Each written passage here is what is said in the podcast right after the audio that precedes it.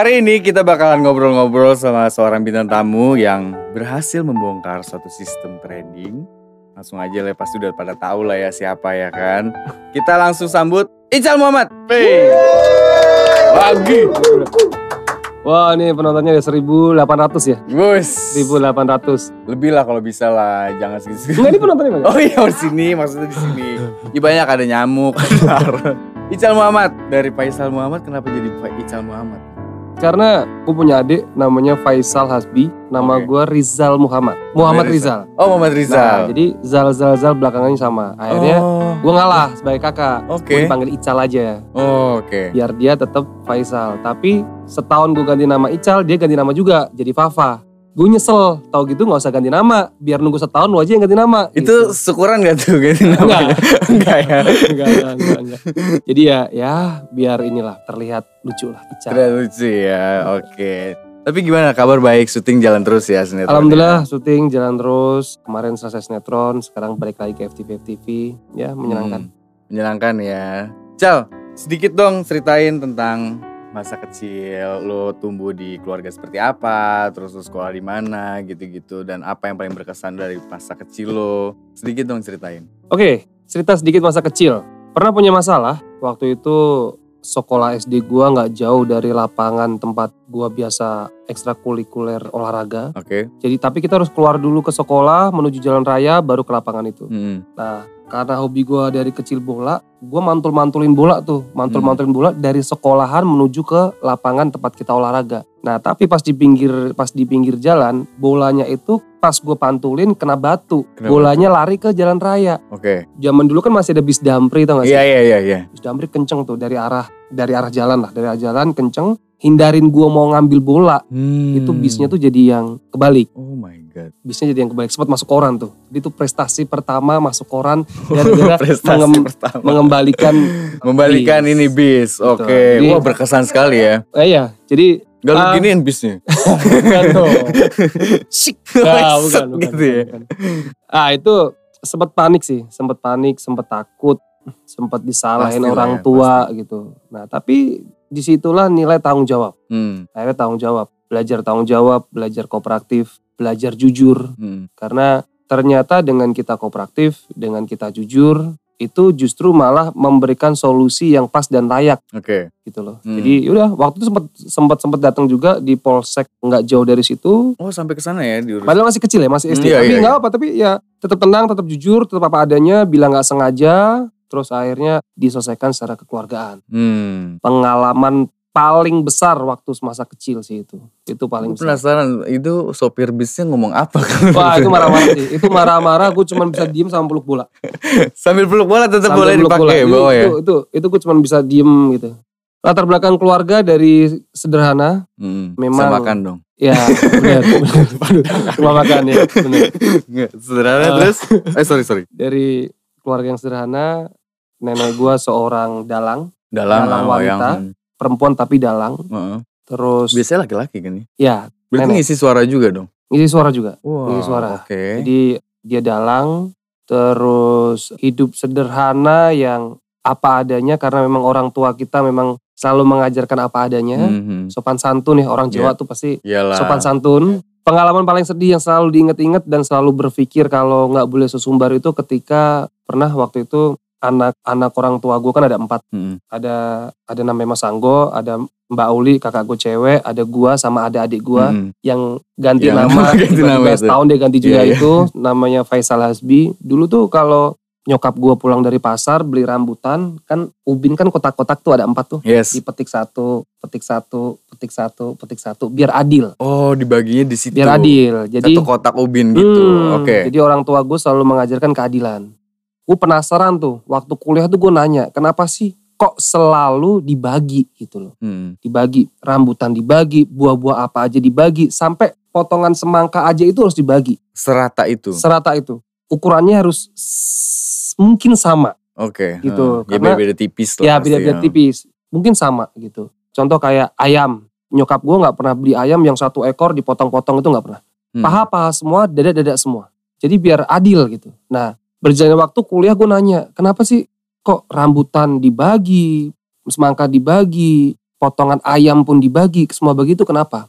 Karena betapa pentingnya orang beriman, orang beradab, tapi orang yang gak adil itu percuma. Iya, iya. Jadi keadilan itu jangan cuma diterapkan sama diri kita, tapi keadilan itu diterapkan sama sekitar kita. Kan Hmm. agama mengajarkan ya, bantulah diri kita, keluarga kita, Iya, baru orang lain. Nah, jangan yang terus jadi sosokan kemampuan kita masih segini, kita mau mau bagi-bagi sama orang lain.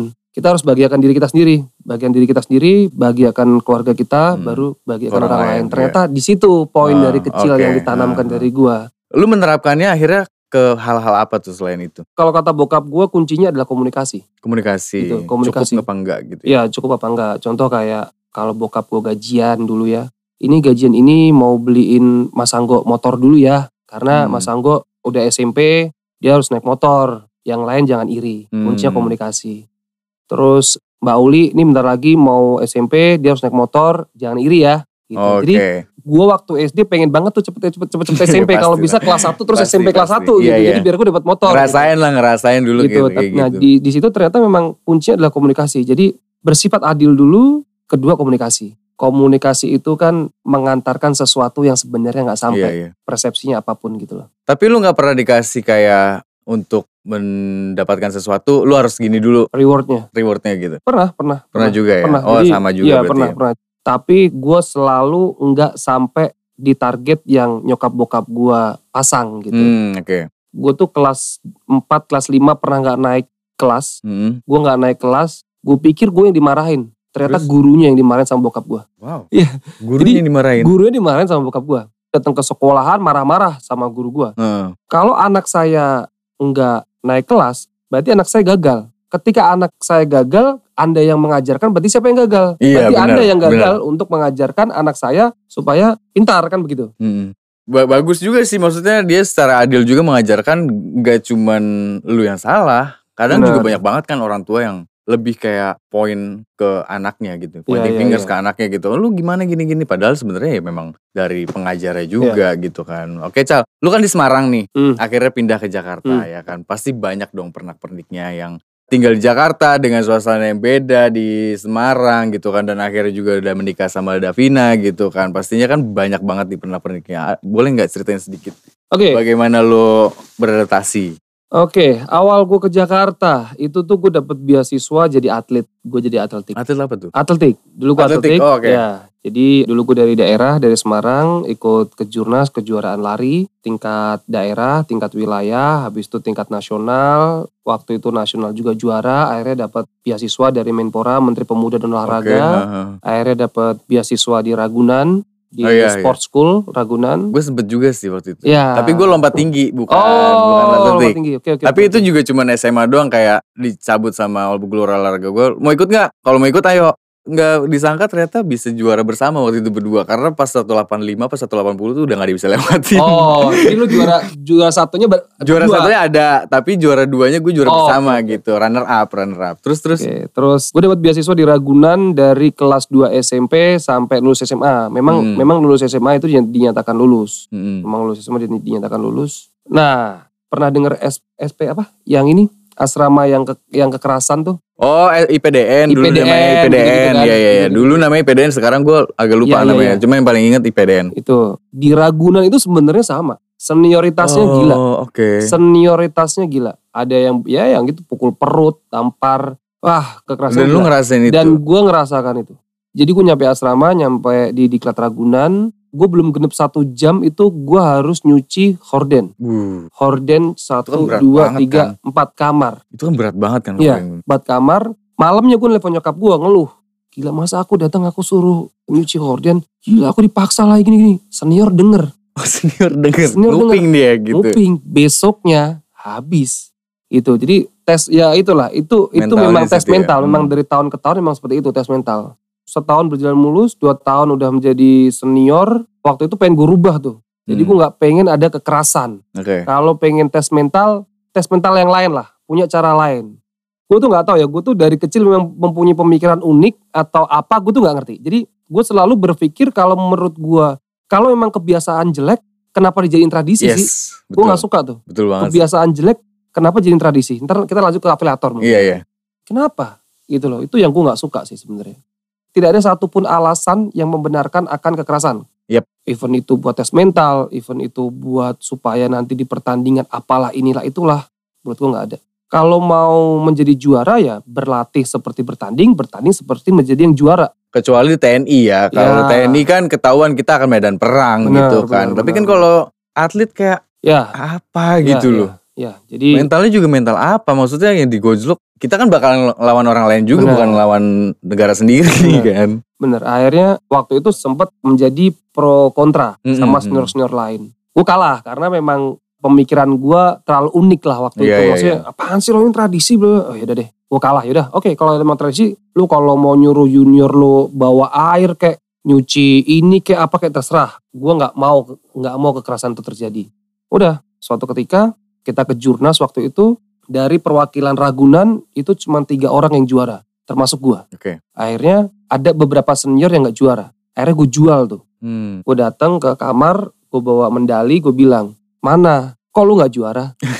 Berarti lu kurang keras dong dipukulnya waktu itu. Iya iya. iya. Seharusnya kalau mental lu kuat lu bisa juara. Lu balikin gitu. Gue ya? balikin gitu, gue jual lagi, gue jual gitu. Karena menurut gue yakin dengan kekerasan itu akan mendidik mental. Berhasil, hmm. Menurut gue dengan kekerasan itu tidak mendidik mental, justru malah kekerasan itu akan menyakiti mental. Itu berdampak loh ke gue. Iya iya. berdampak ke gue. Waktu pacaran sama Davina pun gue menjadi orang yang sangat temperamen. Hmm. Kalau di lampu merah, disenggol sama orang, diprotek sama orang, gue Bisa samperin. gitu. ya? Gue bisa gue turun ya? samperin, bisa gue Oke. samperin, bisa bener-bener berani gitu, Hmm. gitu. Karena emosi lu waktu itu kayak terpendam gitu Hmm, kan. jadi kayak gue berpikir kok gue ada keanehan nih gitu loh. Hmm, hmm. Kembali ke waktu zaman Ragunan, berjalan mulus dua tahun kemudian, waktu SMA kita mewakili Indonesia ke Rusia, waktu itu di kota Yakutsk, negara yang sangat dingin. Situlah akhir dari ke Perjalanan atletan gue Nah. berhenti karena di situ kan suhunya minus berapa gitu Iya, lupa gue. Kita juga pemanasan bingung karena bingung nih kita bingung mau mau gerak kita kedinginan kita akhirnya ya udah kita paksain lari waktu itu gue spesialis 100 200 meter di situ hamstring gue putus Sprint berarti ya. sprint Hmm. di situ ham- hamstring gue putus ketika hamstring putus pemulihan pemulihan Lama lagi udah susah tuh udah lama susah. banget juga kan susah. hamstring kan. terus yaudah lulus SMA dinyatakan lulus gue pulang ke Semarang Oh lu pulang lagi ke Semarang. gue pulang ke Semarang jadi orang Semarang yang yang Beli lumpia. ya, jadi orang Semarang yang apa ya jadi orang Semarang yang agak sedikit songong Agak sedikit songong. pulang dari Jakarta Oh, ceritanya. terus Jakarta terus Rusia pula ya kan. Nah, culture shock culture gitu shock, kan. Culture shock, sosokan lah. Iya, apalagi Sosokan. Semarang panas. Gue udah ngerasain dingin Uh. banget nih. Jadi culture shock, bener culture shock. SMP SMA bebas, dalam arti bebas tuh nggak ada pengawasan orang tua. Hmm. Orang tua semua keluarga di Jakarta. Terus ketika pulang Semarang yang harus satu rumah sama orang tua. Jadi agak kucing-kucingan sih sama sama Kucing-kucingan, sama ya pastilah. papa mama. Ada kucing-kucingan. Ya bener tadi culture shock tadi. Terus ada masalah tuh, pernah ada masalah. Hmm. Dua tiga masalah lah, masalah kekerasan waktu itu sampai kepolisian. Oh, Oke. polisian sampai udah jadi tersangka juga kabur ke Karimun Jawa 10 hari sampai Jauh ya Karimun iya Jawa, Karimun Pak. eh, enggak Karimun Jawa ke Semarang Oh dekat iya ya? deket yang sorry, Dekat. sorry, sorry, gue lupa. lewat Jepara Ya gue lupa pikiran gue Lewat Jepara. Papua ya. lewat Jepara Terus, terus. ya Penangkaran hiu kan Karimun Jawa kan. eh ada tuh Iya kan, ada Ada kan. Iya iya. iunya jinak lagi Iya, bisa kita berenang kota-kota sama dia kan. Oh lu sempet ke sana kabur kabur. Sebelum sana kabur ke sana sebelum sana kabur ke sana berjalannya gue kabur keluarga gue melakukan pendekatan untuk perdamaian. Hmm, terus gue kerja jadi marketing apartemen. Oke. jadi marketing Oh, apartemen. terus ketemu tuh Mas ya. Odi. Mas Odi Denio Elmosta almarhum. Hmm, ketemu Mas Odi, diajakin modeling-modeling, dimasukin aneka yes, top guest berapa tahun berapa Iya, lupa, aneka yes. Terus kok gue nggak dapet passion gue di model gitu, hmm. bulian, bulian. Teman-teman gue di luaran sana, lu apaan sih anjir foto lo gini gini gini. Iya gitu. iya iya. Apaan sih muka lu glowing make up gini gini. Itu korban bully. Dulu tuh trademarksnya tuh kayak kalau kita masuk model tuh kayak banci gitu. Iya, Iya iya, gak sih iya, kalau iya. dulu sama teman-teman? Padahal menurut gue itu sangat salah. Hmm. menurut gue sangat salah. Justru di dunia modeling lah gue belajar cara gue nggak emosi. Hmm. Di dunia model itu gue belajar cara gue bersikap. Di dunia model gue belajar cara berhati-hati ya berbicara. pokoknya attitude ya bagus. attitude. banyak orang di luar sana bilang kalau dunia model itu identik dengan banji, menurut gue itu adalah oknum. Hmm. Menurut gue adalah oknum karena menurut gue apa ya? Jangan mengejat sesuatu yang mungkin orang bisa hidup dari sini Yes. gitu. Itulah gue. Gue tuh gue itu selalu ketika gue di challenge sama orang, ketika gue dibully sama orang, gue tuh malah animal instinct gue tuh keluar. Gue kayak malah kayak pengen membuktikan kalau nggak seperti itu kawan gitu. Hmm. Kayak pertama gue akhirnya gue ke Jakarta, banyak orang yang meragukan. Wah lu Nggak bakal berhasil. lu nggak bakal berhasil. Lu tuh kalau ngomong medok bla bla bla bla nggak bisa. Bisa, gue bilang bisa. Karena sesuatu yang gue lihat pasti bisa gue pelajarin. Mm-mm. Nah akhirnya setahun, setahun lebih gue nggak telepon-teleponan sama, Sama teman-teman. nyokap bokap gue, sama teman-teman Semarang. Gue bilang sama nyokap bokap gue, kalau kita mau komunikasi kita lewat WhatsApp aja, jangan lewat telepon. Karena ketika gue ngomong Jawa, ntar rogat gue keluar lagi. gue pengen ngejaga itu. Kalau gue pengen pulang Semarang tuh sesuatu yang gue takutkan adalah cara gue ngomong. Gue takut tuh kalau nanti bahasa gue jadi bermasalah iya, iya. lagi. Tapi emang emang iya sih kebanyakan tuh orang-orang Jawa apalagi yang udah besarnya Hmm. di di Jawa terus akhirnya ke Jakarta biasanya medok itu susah banget hilang. Hmm. Iya kan? Terus terus terus. Gue ke Jakarta, sebenarnya gue ke Jakarta itu gue kepingin ah kayaknya memang culture gue tuh cocoknya di Jakarta. Hmm. akhirnya udah gue ke Jakarta ke Jakarta tuh gue ke Jakarta itu cuma modal 150 ribu itu pun dikasih sama Lutfi Lutfi Anjay jadi gue ditelepon sama Cinema Art waktu itu buat judul Tujuh Manusia Harimau gue bilang ah gue nggak bisa acting gue bilang gue nggak bisa acting karena menurut gue gue itu demam kam, dem- Demam panggung. demam panggung Kamera, demam kamera. kamera. jadi jangankan berakting ngomong aja itu udah malu lah malu lah Keringet dingin gitu kan. udah nggak bisa jadi Eh, kayak Enggak, enggak. Akhirnya waktu itu ada Bang Acak Prayogi dari rumah artis ngejamin udah lu ke Jakarta, gue beliin tiket, gue kasih apartemen, tapi lu ke Jakarta karena Cinema Art pengen lu nih. Ah udahlah, berangkat gue ke Jakarta. Gue casting sebagai Rifai Paliki, casting berjalan tidak lancar sampai ada satu orang yang bilang kalau "Cek, kayaknya ini enggak nih. Gue tahu maksud dia baik, tapi menurut gue ah nih challenge buat gue nih. animal lagi Animal instinct gue keluar. Instinct. Maaf ya, tapi ini jangan ditiru. Yang pertama gue lakukan adalah gue nggak ngafalin skenario, tapi gue keluar beli Amer. Ya, gue Wow. keluar beli dua botol Amer Buat naikin adrenalin lu tuh. buat naikin adrenalin gue. Oke. Gue minum Amer, dua botol, gue berakting lah tuh. Oke lanjut, oke. Sebulan kemudian gue nggak ada callingan apa-apa. Gak ada kabar habis Gue itu gak kabar. Semarang aja kali ya, gue bilang itu di Jakarta. Wah, Jakarta tuh gue, aduh masih inget banget. Itu lauk dari siang sampai malam masih gue makan kali itu. Serius, itu tuh zaman dulu kan belum kita bisa nyari dari uang dari sosial media ya. Yes. Aduh itu ya aku tetap berjalan ya gue Sosial media juga belum tentu jalan waktu itu Iya, walaupun iya, udah iya. ada kan. Lu Ya. masih baru. ya gue gue laluin lah hidup gue itu sebulan. Tiba-tiba udah dulu tuh masih ada tes look. Kalau lu. sekarang sih kayak nggak ada ya. Hmm. Dulu masih ada tes look, tes kamera gitu. Gue datang tuh ke studio alam TVRI. Callingan jam 9, gue bilang, oh gue jangan telat. Jam 8 gue datang. Kayak orang bego gue jam 8 datang. Gue ketemu Ars-Ars hebat. Pokoknya orang-orang hebat tuh yang pertama gue lihat Sambil Silguin, Sambil disirguin. Aji oke. Pangestu, Hmm. Glenn Alinsky, oh Mas Darwin, terus Sana Sadika. Hmm, hmm. Gue duduk aja tuh. Jam 9, 10, 11 berjam-jam gue lewatin. Ini gue ngapain gue di sini? Gue dianggurin gitu. Ngerasain, oh iya. ngerasain. gue ngelihat Glenn, Glenn sama tuh siapa gitu, Glenn sama siapa gitu bilang, lu jadi siapa? Gue jadi Rifai Paliki. Lu, gue juga jadi Rifai Paliki. Mudah-mudahan kita di antara kita ya bro, yang lolos bro. Di depan gue, lu berdua jadi Rifai Paliki. Nah, gue juga Rifai Paliki. gue telepon, telepon Mas Diva, Mas, gue jadi siapa sih? Rifai Paliki, cal preman gini-gini. Ini gimana sih Mas Waktu itu lu belum ngerti Gue juga gak kan. ngerti tuh, ini gak ngerti. sih Paliki kok ada tiga sih gue bilang. Gue gak ngerti nih. Udah, orang kampung kan, gue gak ngerti nih. Orang kampung kan gue gak ngerti nih. jam 4 gue masih buat jam 4 azan asar waktu itu ada unit bilang bang Ical Muhammad ya iya mas. Ah duduk aja. Ayo mas ditungguin. Dari jam 8. udah udah. ya ya udah deh. Ngeliat mereka acting keren-keren. Aduh gue gimana nih kata gue Lu masih medok dong berarti. agak sedikit ketolong. Oke, situ lah oke. lu tau gak gue ke mana? Ke mana? ngapain coba? Cari Amer lagi. Serius gue cari Amer lagi Beruntung banget lu bisa nemuin cepet langsung banget. gue minum dua botol yuk kita Oh gue kira lu nambah-nambah dosis di tiga botol pada saat itu. Enggak. Karena ada Glenn ada yang dosis gue dua Tetap gue dua dua ya. Tetap dua. dosis gue dua sih dosis gue dua Kalau tiga bagi dua maksud gua. Udah terus, gue nggak gue gue ngamer tuh gue ngamer nih tet- tapi, tapi jangan di, jangan ditiru, ya. Ini jangan ditiru buat kita aja. Iya, Ya, gimana? Udah gue ngamer, gue berakting lah tuh. Nah cuman ada lucu di sini ketika Awas kalau nggak lucu ya. Aduh, jadi deh, nggak jadi aja deh. Nggak. Terus penasaran. Tapi Penasaran? lu nggak lucu lu. Aduh, Terus udah udah udah.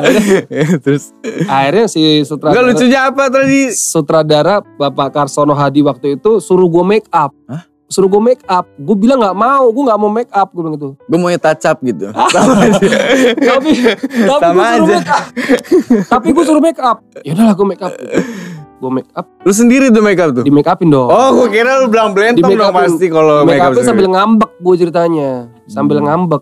Pas gue liat monitor, kok tiba-tiba gue bisa acting ya? gue bilang gitu. Ternyata di samping gue minum amer, gue ngambek. Ngambek di make up dan ceritanya gue lagi ngambek. Oh, pas berarti. Pas kan? Lagi ke bawah ke ngambek tuh jadi dapat banget. Gue bilang, lucu gak? Lucu. Dan gue kayak pengen nyoba deh kali-kali. Iya, iya, iya, iya, iya. Iya, iya, iya. Eh, kadang kan tapi biar cuek gitu kan. Iya, nah, iya, sometimes iya, ya kayak gitu, ada yang kayak Iya. gitu sih. Terus, Terus, terus. udah jam 8 malamnya tuh gue ditelepon. Cal, lu masuk nih sebagai Rifai Paliki. Budget sekian ya. Oh bebas mas, bebas. Hmm. Berapa aja nggak mantem Ah, lah. bebas pokoknya. lah, bebas. Karena bokap gue waktu gue ke Jakarta tuh bokap gue bilang, kalau lu dapat kerja apa pun, jangan pernah nanya berapa mau dibayar berapa, Iya, jangan. iya, iya. Udah, tri- kerja aja dulu. Dia bilang gitu, kerja aja dulu. Ya, gue kerja tuh, gue kerja, gue kerja. Pas gue ngeliat preview, ternyata acting gue paling kurang lah di situ lah. Sampai akhirnya gue itu satu bulan, jadi honor gue, Sinema kan waktu itu 20 episode ya. Hmm. Honor gue itu hampir 60 persennya sendiri itu habis buat coach acting. Oh ya harus ya. Ya waktu itu gue pakai Eka Storus, tapi gue nggak datang ke Tebet, tapi gue minta coach actingnya datang ke lokasi. Hmm, langsung. Langsung, Langsung karena- on set gitu ya. Karena mindset gue waktu itu nggak nyari duit, tapi mindset gue gue pengen belajar. Sampai 3, 4, 5 bulan gue udah nggak pakai coach acting lagi, gitu. Oke. Berarti perjalanan lu ke dunia acting juga lumayan panjang ya. Lumayan panjang, tapi gue nggak mengalami sesuatu yang mungkin teman-teman gue yang lain Alami. alami. Kalau teman-teman gue yang lain alami kan katanya yang jadi maaf ya, jadi ekstras dulu Ya. atau jadi apa dulu, jadi ini enggak sih. Gue gue sih mulus-mulus aja. Ya alhamdulillah waktu itu tujuh manusia harimau dapat 500 sekian ya. Hmm. Terus sempat ke tukang bubur juga. Jadi setengah hari ke tujuh manusia harimau, setengah hari ke tukang bubur. Hmm, makan. tukang bubur naik haji. Maaf, dia ngomongin tukang bubur doang, gue kira makan. Tukang bubur naik haji, juga ya? gitu. Tukang bubur naik haji. Gitu Berarti sih. seiring berjalannya waktu udah lah ya di dunia entertainment kita udah tahu lah track record lu kan Ya. oke banget lah ya. Enggak, enggak lah. Sampai akhirnya lu mencoba dunia trading. Gue langsung ke situ aja nih karena kita udah melalang buana banyak nih. Udah Dunia trading kan. udah jam satu nih kayaknya. Kok nggak kelihatan? Gak apa-apa kita biasa sampai jam 2 Dunia trading Kenapa lu waktu itu Ya gue tau lah lu tertarik Apakah itu menjadi jalan keluar lu waktu itu Ketika lu udah struggle di dunia entertainment Gara-gara gua itu dibilang hobi sih enggak sih. Bisa dibilang suka. Gue suka membaca, bukan baca buku, tapi membaca artikel-artikel biografi-biografi orang sukses atau baca sesuatu yang yang gua pengen cari tuh Hmm. gua suka dan gue itu kalau udah pengen mencari sesuatu gue observasi bisa sampai jauh banget Terus akhirnya lu udah udah mendalami dunia trading Akhirnya lu lu tertarik Ah, ya ada satu kan? tokoh yang gua satu tokoh dia pemain trading di Amerika, tapi sebenarnya bukan Amerika juga sih. Dia itu dia itu hidupnya pindah-pindah tiap negara. Dia di Indonesia tuh pernah ke Papua sama pernah ke Bali. Mm-mm. Nah, gue gue belajar dari dia ada satu ka- satu kalimat dari dia yang akhirnya gue pakai. Jadi bedanya cara anak muda orang Asia, ASEAN khususnya sama orang Eropa adalah sadar nggak sih? Sadar nggak sih kita tuh kerja cuman buat beli aset, kerja lagi beli aset, kerja lagi beli aset. Edukasi finance kita itu masih nol lah. Bahkan gue kemarin pernah jadi QOL di Kominfo. Kalau pencapaian internet sama edukasi literasi digital itu jauh banget gapnya Hmm. gapnya tuh jauh banget. Nah kembali ke si Stephen ini, orang trading ini, Iya. kalau di Eropa anak mudanya itu kerja beli aset, aset bekerja untuk kita. Yes Itu. benar. Nah akhirnya gue terapkan lah bagaimana cara gue memainkan aset. Hmm. Oh ada namanya trading. Hmm. Kita beli asetnya lah, koin atau apa aset. Iya. Karena kalau bermain di properti itu pasti modalnya banyak, waktunya juga panjang, Return Ya. ini juga banyak. Eh apa lama? ya gitu lama. kan. Dan gue petualang investasi sampai akhirnya gue main di tujuh platform. Iya iya Sampai akhirnya gue main di binary option di binomo. iya. minum. Gue kalah di singkatnya aja ya, gue kalah 30 juta dalam waktu tiga hari waktu itu. Tapi lu belum jawab nih, benar. Lu apakah trading itu waktu itu menjadi jalan keluar dari struggle-nya Eh, di dunia entertainment apa enggak? enggak. Enggak juga Enggak, ya. Cuma pengen hal Enggak, baru aja enggak, nyoba iya. hal baru. Oke. Iya. Jadi Terus? gue cuman pengen memulai hal baru aja Heeh, gitu loh. heeh. Ya lu lu lu rugi itu 30 juta. Rugi 30 juta. Terus gue mikir nih kenapa gue bisa rugi. Padahal gue sudah menerapkan apa hasil dari observasi gue selama ini. Hmm. Katanya suruh baca candle sekian, main di detik sekian, di menit sekian, pasang harga sekian, dari sekian, modal harus sekian. Gue terapin semua. Tapi kenapa gue bisa gagal? Gitu loh. Nah akhirnya gue bilang kalau 30 juta hilang gue anggap ini perjudian dan uang gue hilang. Dan ternyata gue bener hilang 30 juta, gue berhenti tuh. Nah akhirnya ada namanya sistem atau get member afiliator ini. Iya. Nah akhirnya gue ikutin ada namanya bin partner. Bin partner. Oke. Jadi bin partner wah kok keuntungan hingga 80%. Menarik nih. Akhirnya gue ikut tuh. Gue ikut. Gue ikut, gue mainin. Gue menang tuh, gue menang. Gue posting di Instagram. Dengan profit 50 juta itu ya. Ya, Hmm. gue dapat member bla bla bla, dan sebagainya.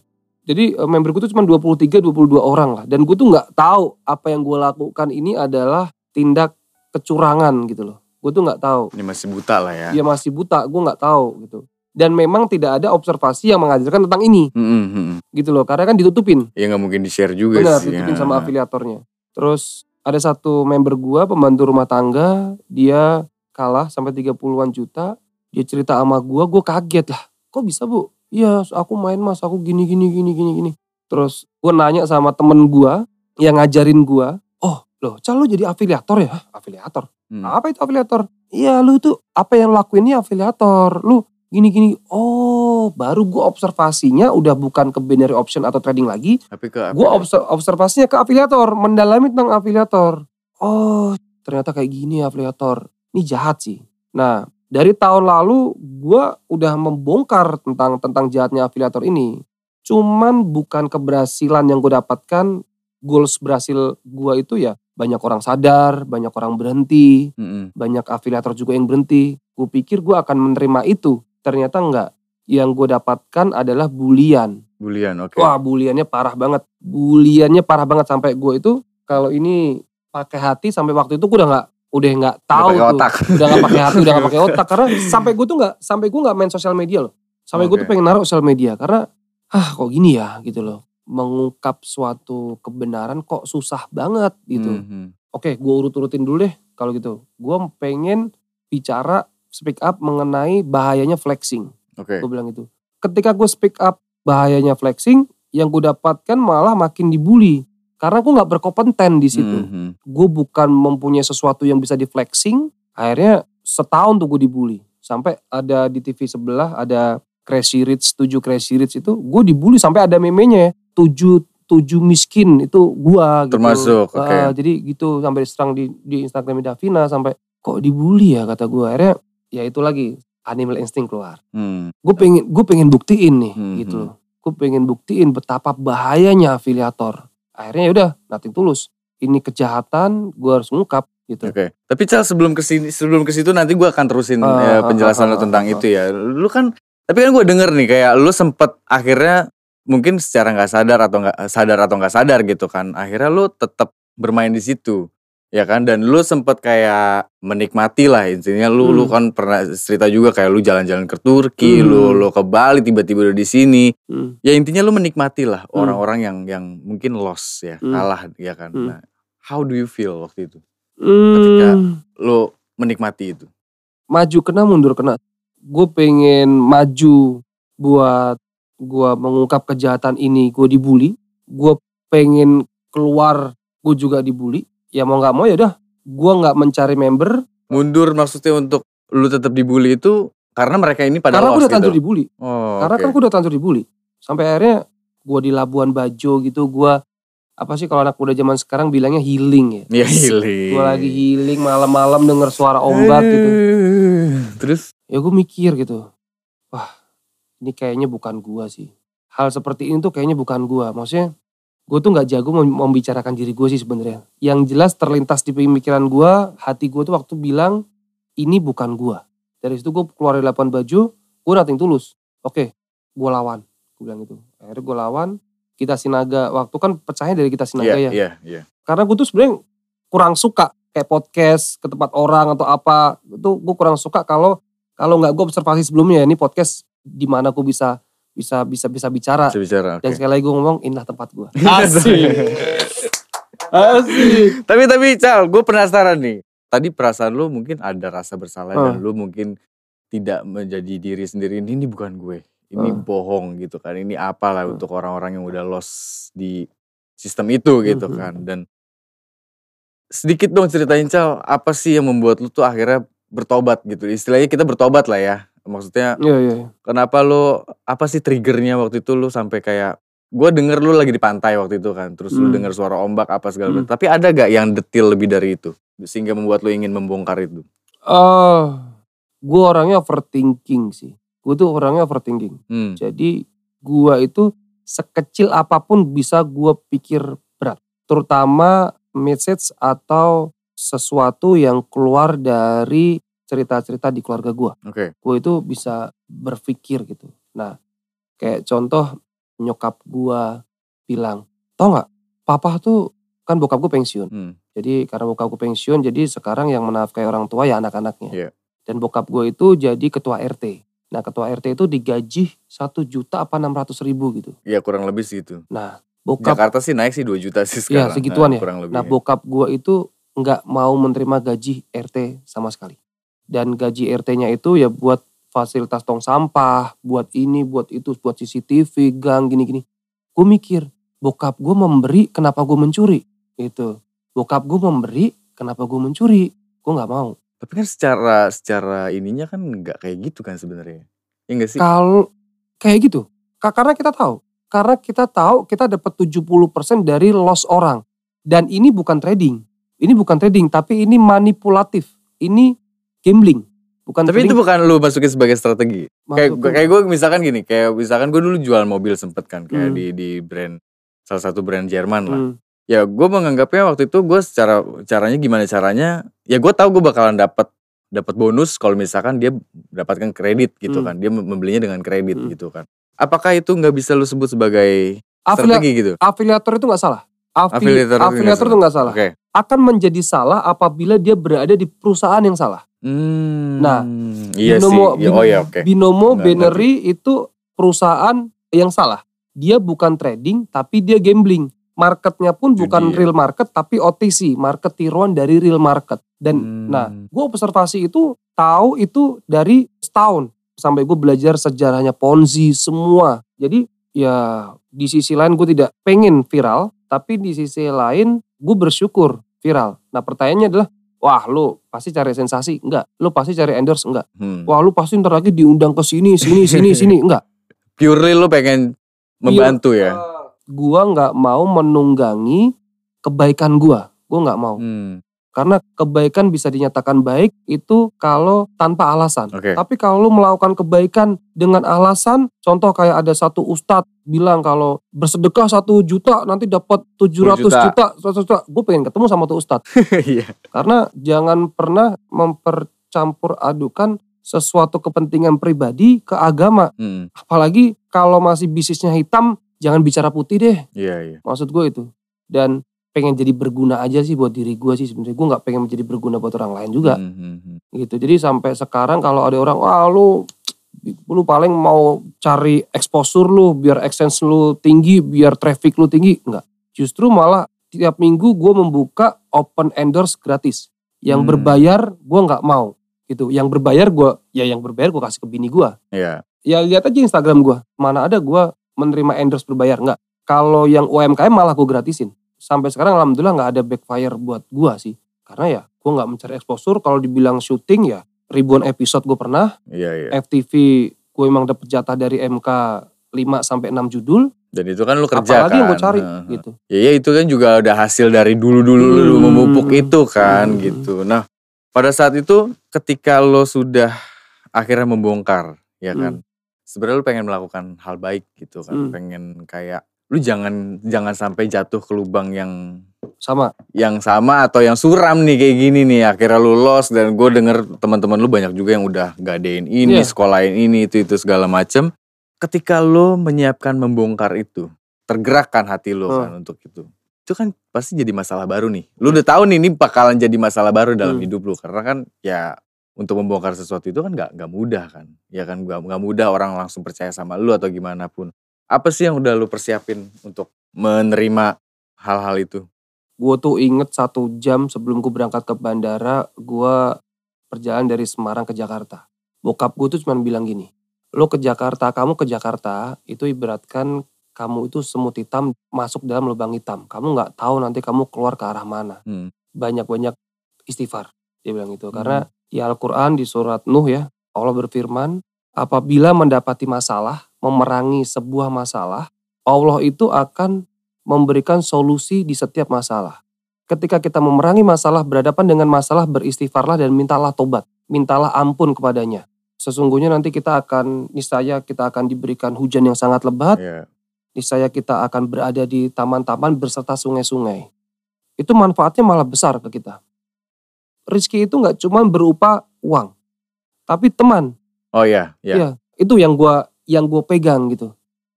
Ketika kita memerangi suatu kebenaran, suatu masalah itu jangan takut. Lu hadapin dengan lu istighfar aja. Kalau muslim ya. Hmm, Kalau non muslim mungkin ada cara lain lah. cara lain. Tapi semua agama mengajarkan kebaikan gitu loh. Karena aku muslim ya gue beristighfar. Istighfar sa- sambil meyakini aja, ikhlas. Hmm, Sambil meyakini ikhlas. Ya alhamdulillah rezeki sampai sekarang datang nggak berhenti-berhentinya. hmm, hmm, hmm. Tapi serangan-serangan itu kan datang terus tuh dari si afiliator yang sebelumnya belum di penjara ya kan terus netizen-netizen dengan yang pengguna-pengguna itu gitu kan. Lu waktu itu ngadepinnya lebih kayak lu menanggapi mereka atau lu sempet yang udahlah gua hajar aja. Karena kan tadi juga lu sebutin kayak ayah lu memberi bahkan lu bisa men-statement diri lu bahwa lu menipu gitu kan. Hmm. Maksudnya waktu itu lu ngadepinnya tuh gimana? ah, netizen Indonesia itu udah bisa ketebak lah. Gue 6 bulan kerja sama Kominfo sebagai literasi digital, sebagai KOL di bagian Indonesia bagian timur. Hari per hari gue selalu menghadapi tentang edukasi atau membicarakan tentang netizen-netizen Indonesia ini. Kalau netizen udah udah udah kebaca lah netizen. Gue nggak mau komentar tentang netizen.